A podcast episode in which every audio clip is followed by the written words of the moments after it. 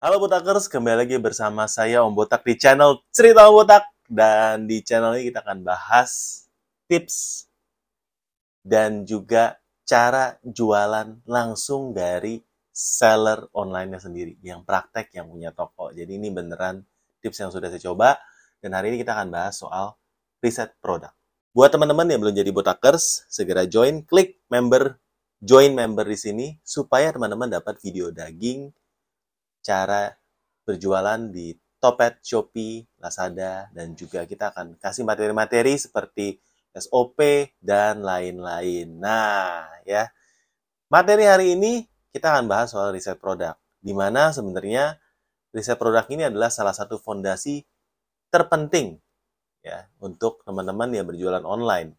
Karena kalau kita ngomongin segitiga marketplace ya, tiga fondasi utama, tiga pilar utama dari marketplace ini adalah riset produk, konversi, dan traffic. Dan riset produk ini adalah bagian pertama. Kalau teman-teman punya produk yang bagus, teman-teman jual produk yang diperlukan orang, teman-teman punya produk yang orang lain nggak punya, teman-teman doang yang punya, dan dicari orang, pastinya produk ini akan laku walaupun tidak diiklankan, walaupun judulnya sembarangan, ya, ataupun walaupun harganya mahal, produk ini pasti laku. Jadi produk ini sebenarnya adalah basicnya banget ya. Uh, kalau memang produknya viral, produknya booming, teman-teman nggak usah pusing dua fondasi yang lain ya, karena satu fondasi ini menurut saya adalah fondasi yang paling kuat. Bagaimana caranya kita menemukan produk viral ini, produk yang pasti laku, pasti booming, ya begitu kita launching booming, ini adalah riset. Ini kita perlu data. Nah, untuk riset data sendiri, sebenarnya ada beberapa tools yang bisa kita gunakan. Ya, pertama, Google Trend. Ya, di mana dengan Google Trend ini, kita udah pernah bahas di video uh, sebelumnya, kita bisa melihat ya apa yang orang cari di Google. Ya, teman-teman bisa cari di Google Trend, Google Trend ya, di Google aja di sana, di sana dicari ya. Uh, misalnya sekarang lagi viral produk masker misalnya, kita cari masker. Nah, di sana bisa lihat naik turunnya seperti apa. Marketplace juga merupakan salah satu tempat di mana kita bisa menemukan data ya di marketplace ya di data uh, bisnisnya di wawasan toko kalau di Tokopedia teman-teman bisa menemukan data barang-barang apa yang lagi laku di sana ya jadi Google Trends sebenarnya kita ngomongin secara global ya kan di Indonesia ini barang apa yang laku ya secara global kita tahu oh masker lagi naik oke okay, ya Oh, topi lagi naik. Oke okay, ya. Oh, fashion baju lagi naik. Kata pencarian lagi tinggi. Tapi kan kita nggak tahu penjualannya bagaimana. ya. Seberapa besar pasarnya. ya Seberapa banyak orang yang sudah menjual. Mereka jualnya di harga berapa. Ini kita nggak tahu. Karena kita bicara di, di data Google. Data dari search engine. Ya, kalau marketplace kita bisa melihat lebih detail. Tapi marketplace sendiri memberikan datanya itu masih cukup istilahnya belum detail ya. Belum semua dagingnya dibuka sama marketplace. Ya jadi cuma dari garis besarnya uh, yang paling laku siapa kita nggak tahu data pasarnya seberapa besar dan lain-lain belum tahu. Makanya kita perlu tools lain yaitu data pintar ya atau data pintar. Nah dengan tools ini ini kita bisa tahu ya penjualan sebulannya berapa lakunya berapa, reviewnya berapa, apakah produk ini trennya lagi naik atau turun, ya kita bisa menggunakan ini, ya. Sebenarnya ada tools keempat, tapi nanti kita akan buka di part kedua video ini. Ya ada tools keempat, ya. Jadi ada hidden tools yang biasa saya pakai untuk riset. Ya, tapi teman-teman nanti tunggu ya. Di part 2-nya kita akan share tools keempat ya, yang sekarang saya belum akan buka. Nah, hindari kesalahan ini. Jadi, dalam menjual produk, kita perlu hindari beberapa kesalahan ini. Pertama, kita jual harga lebih mahal, tapi kita nggak ada nilai lebihnya dari kompetitor. Jadi ini kesalahan yang biasa dilakukan oleh teman-teman, ya mungkin terutama teman-teman seller baru, di mana teman-teman ini asal kopas dari yang sudah ada, tapi jualnya lebih mahal, ya dengan tingkat review yang mungkin masih nol, sedangkan yang jual lebih murah ini udah ada ribuan, puluhan ribu review, kita masih nol reviewnya. Foto sama, deskripsi sama, ya. Tidak ada nilai lebih dari kompetitor. Mungkin mereka ada video, kita nggak ada, review toko mereka dan status seller mereka sudah lebih tinggi daripada kita, kita nggak masih new seller. Jadi, apa yang kita jual, yang kita offer, ini tidak ada lebihnya. Dan kita mengeluh kalau toko kita sepi. Ya. Jadi, hindari kesalahan ini. Yang kedua, kita menjual produk yang jumlah kompetitornya tinggi. Nah, ini juga uh, merupakan biasa challenge atau uh, kesalahan yang dilakukan oleh seller ketika teman-teman menjual produk yang jumlah kompetitornya tinggi, otomatis ya biasanya marginnya sudah pasti tipis ya. Dan juga yang kedua, mungkin kalau jumlah kompetitor tinggi, ini juga ada perang harga, perang servis, dan segala macam perang yang ada, ini pasti akan terjadi. Jadi teman-teman harus menghindari produk ini untuk produk baru. Kecuali memang sudah jualan lama, memang sudah ikut perang, ya sudah. ya ya sudah sudah kepalang tanggung basah ayo kita perang aja apalagi kalau stoknya di gudang masih banyak nggak masalah ya tapi kalau memang seller baru ya kalau memang teman-teman lagi riset produk baru hindari tadi ya jual lebih mahal tapi nggak ada nilai lebih. Jual produk yang jumlah kompetitornya tinggi. Yang ketiga kesalahannya adalah jual produk yang tidak kita pahami. Tapi kita lihat laku. Nah ini juga ada kesalahan yang fatal menurut saya. Karena biasanya produk-produk yang ada di halaman rekomendasi Shopee ya, uh, yang ada di halaman top seller top seller kategori itu adalah produk-produk yang punya kompetitor tinggi, yang terjualnya sudah banyak, ya, dan biasanya harganya itu udah sangat efisien sekali. Harga efisien itu apa? Harga yang udah mepet marginnya, bahkan banyak yang jual rugi tapi ambil untungnya di cashback ekspedisi. Ya ini adalah praktik uh, praktik umum di seller-seller besar, terutama di kota-kota besar ya teman-teman ya.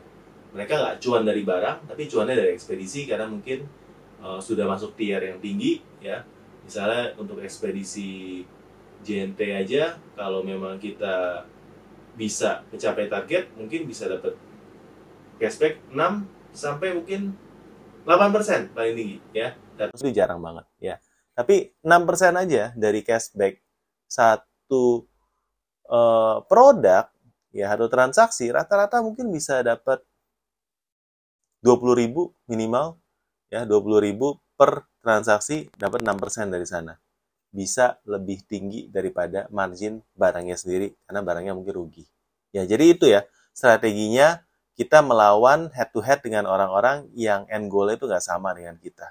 Mereka cuannya dari ekspedisi, kita berusaha cuan dari barang ya jadi nggak ketemu, guys nggak ketemu. Nah, hindari kesalahan ini. Dan bagaimana cara kita riset produk? Kita mau ya uh, riset produk yang cuan pastinya. Nah, ini kita ngomongin masker ya. Masker ini kalau teman-teman lihat di Shopee sendiri ya, penjualnya banyak. Yang jual banyak ya. Ini merupakan produk yang mungkin bagus dua tahun yang lalu. Tapi kalau kita jual sekarang, kompetisi dan harganya itu sangat nggak bagus. Tapi kalau teman-teman berdasarkan data aja, ya, ini top seller, uh, review juga banyak, yang beli banyak. Tapi kalau teman-teman baru masuk jualan masker sekarang, kecuali teman-teman masuk dengan modal yang super gede dan bisa menguasai pasar, ini adalah pasar yang sudah jenuh. Ya, pasar yang memang ini udah kayak sembako ya. Beda 100 mungkin orang lari. Jadi, kalau teman-teman modalnya bukan pemodal besar sekali, yang mainnya mungkin uh, level pabrik atau level importer yang besar, ini udah produk yang menurut saya harus dihindari ya. Jadi ini adalah salah satu pro, uh, contoh produk yang kalau teman-teman lihat di data bagus, tapi kalau jual sendiri itu nggak bagus. Karena mungkin kita level kompetisi itu beda dengan orang. Produk sendiri, ini adalah uh, mengikuti namanya product life cycle. Kalau kita belajar di ilmu ekonomi ya. Product life cycle is a four stages that a product goes through in its life. Introduction, growth, maturity, and decline. Uh, dan sekarang kita ada stage baru yaitu product life extension. Nah, ini di mana ketika kita introduce satu produk itu mulai naik ya. Di sini adalah high cost-nya sangat tinggi karena ini ada R&D di sini, research and development di sini. Uh, dan setelah itu kita masuk ke tahap growth ya, naik cut, naik ya. Lalu maturity ya, stabil. Sudah tahap dewasa, mature, sudah cukup stabil dan lalu habis itu mulai pelan-pelan turun atau decline ya. Salesnya itu turun dan turun. Nah, Teman-teman, kalau mau masuk produk ya, masuklah di tahap growth atau paling bagus introduction. Tapi introduction biasanya ada beberapa orang yang pioneer yang bakar duit untuk memperkenalkan, bikin ini viral. Kalau kita masuk masuk di growth itu enak, naik. Kalau udah mature, harganya itu udah mulai mepet, ya. Cuannya udah udah nggak terlalu tinggi, yang main udah banyak, kompetisi udah mulai lebih tinggi ya. Orang yang tadinya nggak jualan, tiba-tiba semua jualan. Misalnya masker, yang tadinya toko rumah tangga jual masker. Toko elektronik jual masker. Semua toko jual masker karena itu adalah produk yang mature. Begitu sudah oversupply, market jenuh, mereka akan mulai decline. Ya, sales kita akan mulai turun dan turun. Semua orang yang udah punya barang udah mulai panik, kok ini nggak laku, ini sepi. Mereka mulai cut harga, banting harga. Ketika mereka banding harga, ya harga hancur, bahkan orang jualnya di bawah harga modal. Ini bukan market yang enak, ya Nah, jadi berhati-hati. Teman-teman kalau lihat data, kadang-kadang kita akan masuk ke market yang lagi decline, tapi kita nggak tahu karena kita bukan orang dalam istilahnya.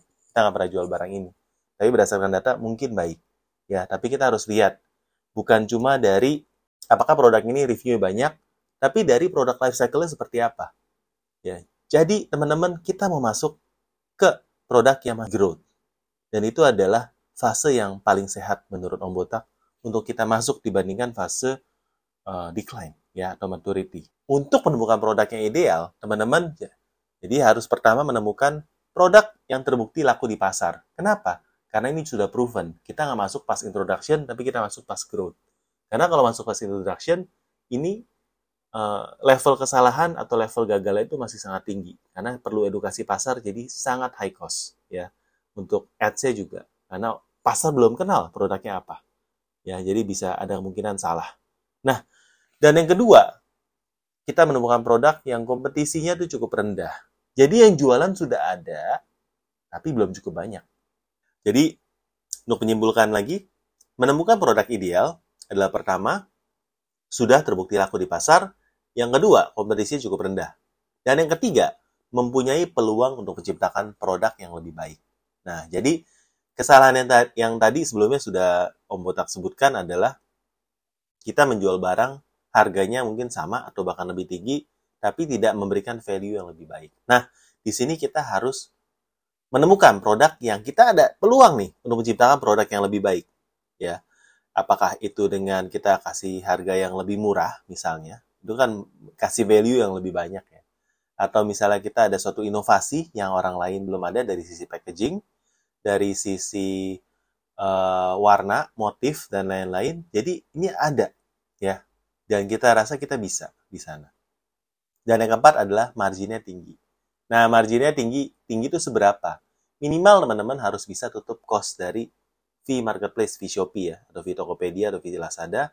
Yang kedua, teman-teman harus bisa tutup dari biaya iklan atau biaya promosi, dan juga dari uh, biaya packaging dan biaya overhead dari teman-teman. Nah, ini adalah produk yang sehat. Ketika ini semua tutup dan masih ada cuan. Nah, ini ya. Jadi marginnya tinggi. Tinggi itu seberapa? Ya tergantung. Buat beberapa orang yang jual kategori elektronik, handphone, mungkin 3% sudah tinggi, ya. Atau buat teman-teman yang jualan barang dari uh, rumah tangga, 30, 20%, 30% sudah tinggi. Ya, teman-teman jual barang custom atau barang-barang yang uh, hobi, 50% pun biasa. Ya, jual barang fashion pun seperti itu. Nah, jadi margin tinggi ini tergantung dari kategori, tapi temukan ya margin yang teman-teman tuh bisa jualin dengan nyaman. Dan ini semuanya kita mau lakukan bukan sekedar omongan teman, intuisi, atau tips ya dari orang atau ada kata-kata misalnya wangsit ya dapat wangsit atau dari dari apa dari orang pintar ya tapi ini kita temukan dengan data karena kita semua harus melihat dan mempelajari tren mempelajari da dari data baru kita bisa lakukan dengan benar nah Om sendiri pakai tools ini, data pinter. Ya, ini adalah salah satu Om uh, tools yang Om gunakan saat ini. Ini merupakan tools yang paling uh, menurut Om tuh paling oke okay di Indonesia. Ya, tapi nanti kita di part 2 kita akan share satu tools lagi yang belum banyak teman-teman tahu. Ya, itu nanti kita akan share di part 2 karena uh, untuk beberapa teman tuh pasti belum pernah dengar tools yang lain. Tapi data pinter nih sudah beberapa kali kita buat videonya. Ini masih tools yang sangat nyaman. Ya, fiturnya memang cukup lengkap untuk riset produk. Dan ini memang saya sarankan untuk teman-teman bukan cuma untuk melihat toko kompetitor, tapi juga toko sendiri, untuk cek toko sendiri. Tapi untuk mencari produk baru, mari kita pakai fitur dari uh, riset produk ya di sini ya, untuk validasi ide produk. Nah, berikut ini adalah beberapa hal yang harus kita lakukan ketika kita mau validasi di produk. Pertama, kita masukkan kata kunci produk, misalnya tenda anak di sini ya. Lalu sembunyikan produk yang nggak relevan, um, dan yang ada tombol, tombol matanya nanti teman-teman ya. Dan pastikan omset 30 hari terakhir ini ada produk yang di atas 100 juta. Kenapa 100 juta? Karena kalau di bawah itu, itu menandakan marketnya ini nggak cukup besar. Nah, kecuali teman-teman jual produk yang niche. Jual produk-produk hobi itu nggak masalah. Tapi kalau kita jual produk yang memang produk yang dicari orang, dibutuhkan orang, ini minimal ya, omsetnya ini harus di atas 100 juta. ya Supaya ini ada menandakan market size-nya cukup besar untuk kita masuk ke sana untuk berjualan. Lalu yang keempat, ini tidak didominasi oleh satu atau dua penjual aja untuk menghindari monopoli pasar. Ya, jadi ketika ada satu kategori atau barang yang dinominasi oleh satu atau dua penjual aja, ini ketika kita masuk ini bersaing dengan sehat. Karena teman-teman dia reviewnya mungkin ada 10 ribu, kita masuk masih nol. Ya, jadi ini udah nggak sehat.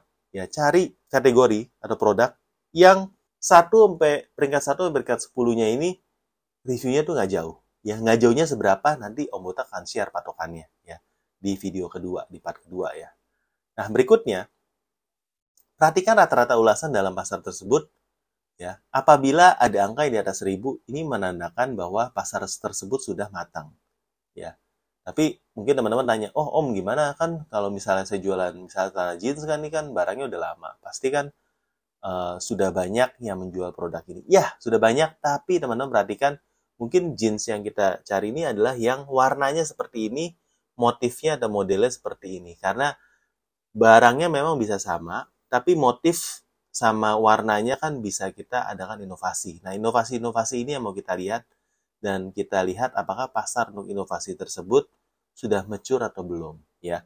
Nah, berikutnya kita juga mau memperhatikan apakah rating-rating produk terlaris pada pasar tersebut ini diusahakan ada yang di bawah 4,9.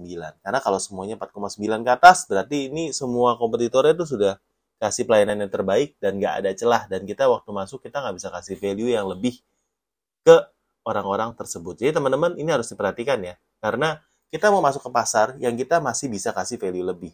Jangan sampai kita masuk ke pasar yang sudah sangat kompetitif, value-nya, uh, ratingnya semua bagus-bagus. Jadi ini akan adalah pasar yang sangat sulit untuk kita masuk ya. Dan yang terakhir kita lihat tren produknya. Apakah panahnya itu ada indikasi warna hijau? Karena kalau memang panahnya semua merah berarti kita masuk ke dalam uh, market yang sudah jenuh, yang lagi turun, yang lagi downtrend ya. Jadi ini adalah hal-hal yang perlu kita lihat dalam validasi ide produk kita. Nah, untuk riset produk sendiri, kita tinggal klik ke validasi ide produk, lalu kita masukkan kata tenda anak. Ya, di sini nanti akan keluar toko-toko yang menjual tenda anak ya. Di sini kita bisa melihat ya uh, ada tanda matanya. Ini yang nanti kita akan klik untuk sembunyikan dalam analisa kita berikutnya. Ya, tenda anak sendiri ini kalau dari data pintar ini adalah peluangnya masih lumayan ya dari sampel 50 produk yaitu satu halaman ya. Satu page shop itu 50 produk. Nah, di sana kita bisa melihat ini yang awal atas-atas ini adalah merupakan iklan dan yang di bawah ini adalah organik. Nah, di sini kita bisa meng-hide mana data-data yang relevan, mana yang enggak. Berdasarkan apa? Kalau saya pilihnya berdasarkan dari jum, uh, motifnya. Jadi motifnya itu apabila ada yang sama, itu saya biarkan. Ya, kalau motifnya ada yang berbeda, saya ini hide. Kenapa? Nanti saya akan kasih kasih lihat tujuannya uh, dan saya akan sharing ya. Ini apa aja yang perlu kita lihat dari data pintar supaya teman-teman ini bisa mencari produk yang tepat ya. Tadi kan ada dari ulasan yang harus berapa, beda dari ulasan uh, ranking 1 sama ranking 10 tuh harus berapa persen. Lalu juga nanti kita akan sharing ya untuk eh, hal-hal ini kriterianya apa lagi. Nah, dan setelah kita dapat produknya, kita harus hitung profitnya seperti apa. Dan setelah itu, setelah kita kita tahu barangnya, kita kalau misalnya mau impor, gimana sih cara impornya, ya kan? Gimana sih cari di 1688 atau tools apalagi yang saya gunakan yang mau tak gunakan selain dari data pinter ini untuk mengecek ya validasi daripada riset ini semuanya akan kita akan share, kita akan buka semua dagingnya itu di video ini yang part kedua yang teman-teman member dari Botakers ini bisa nonton ya. Buat teman-teman yang belum jadi Botakers bisa tinggal join ya, teman-teman tinggal join di tombol di bawah ini gabung dengan ambil Botakers yang intermediate. Di sana sudah banyak sekali video-video. Kita siapkan kurikulum buat teman-teman ya supaya teman-teman ini bisa mulai ya dari tadi dari sini ya dari riset produk sampai cara beriklan yang yang benar sampai eh, video-video uh, daging dari para seller-seller lain yang Om Botak uh, sudah kurasi, sudah kumpulkan supaya teman-teman jadi seller marketplace yang lebih baik lagi. Oleh karena itu, kita tunggu teman-teman di part kedua daripada video ini. Sampai jumpa.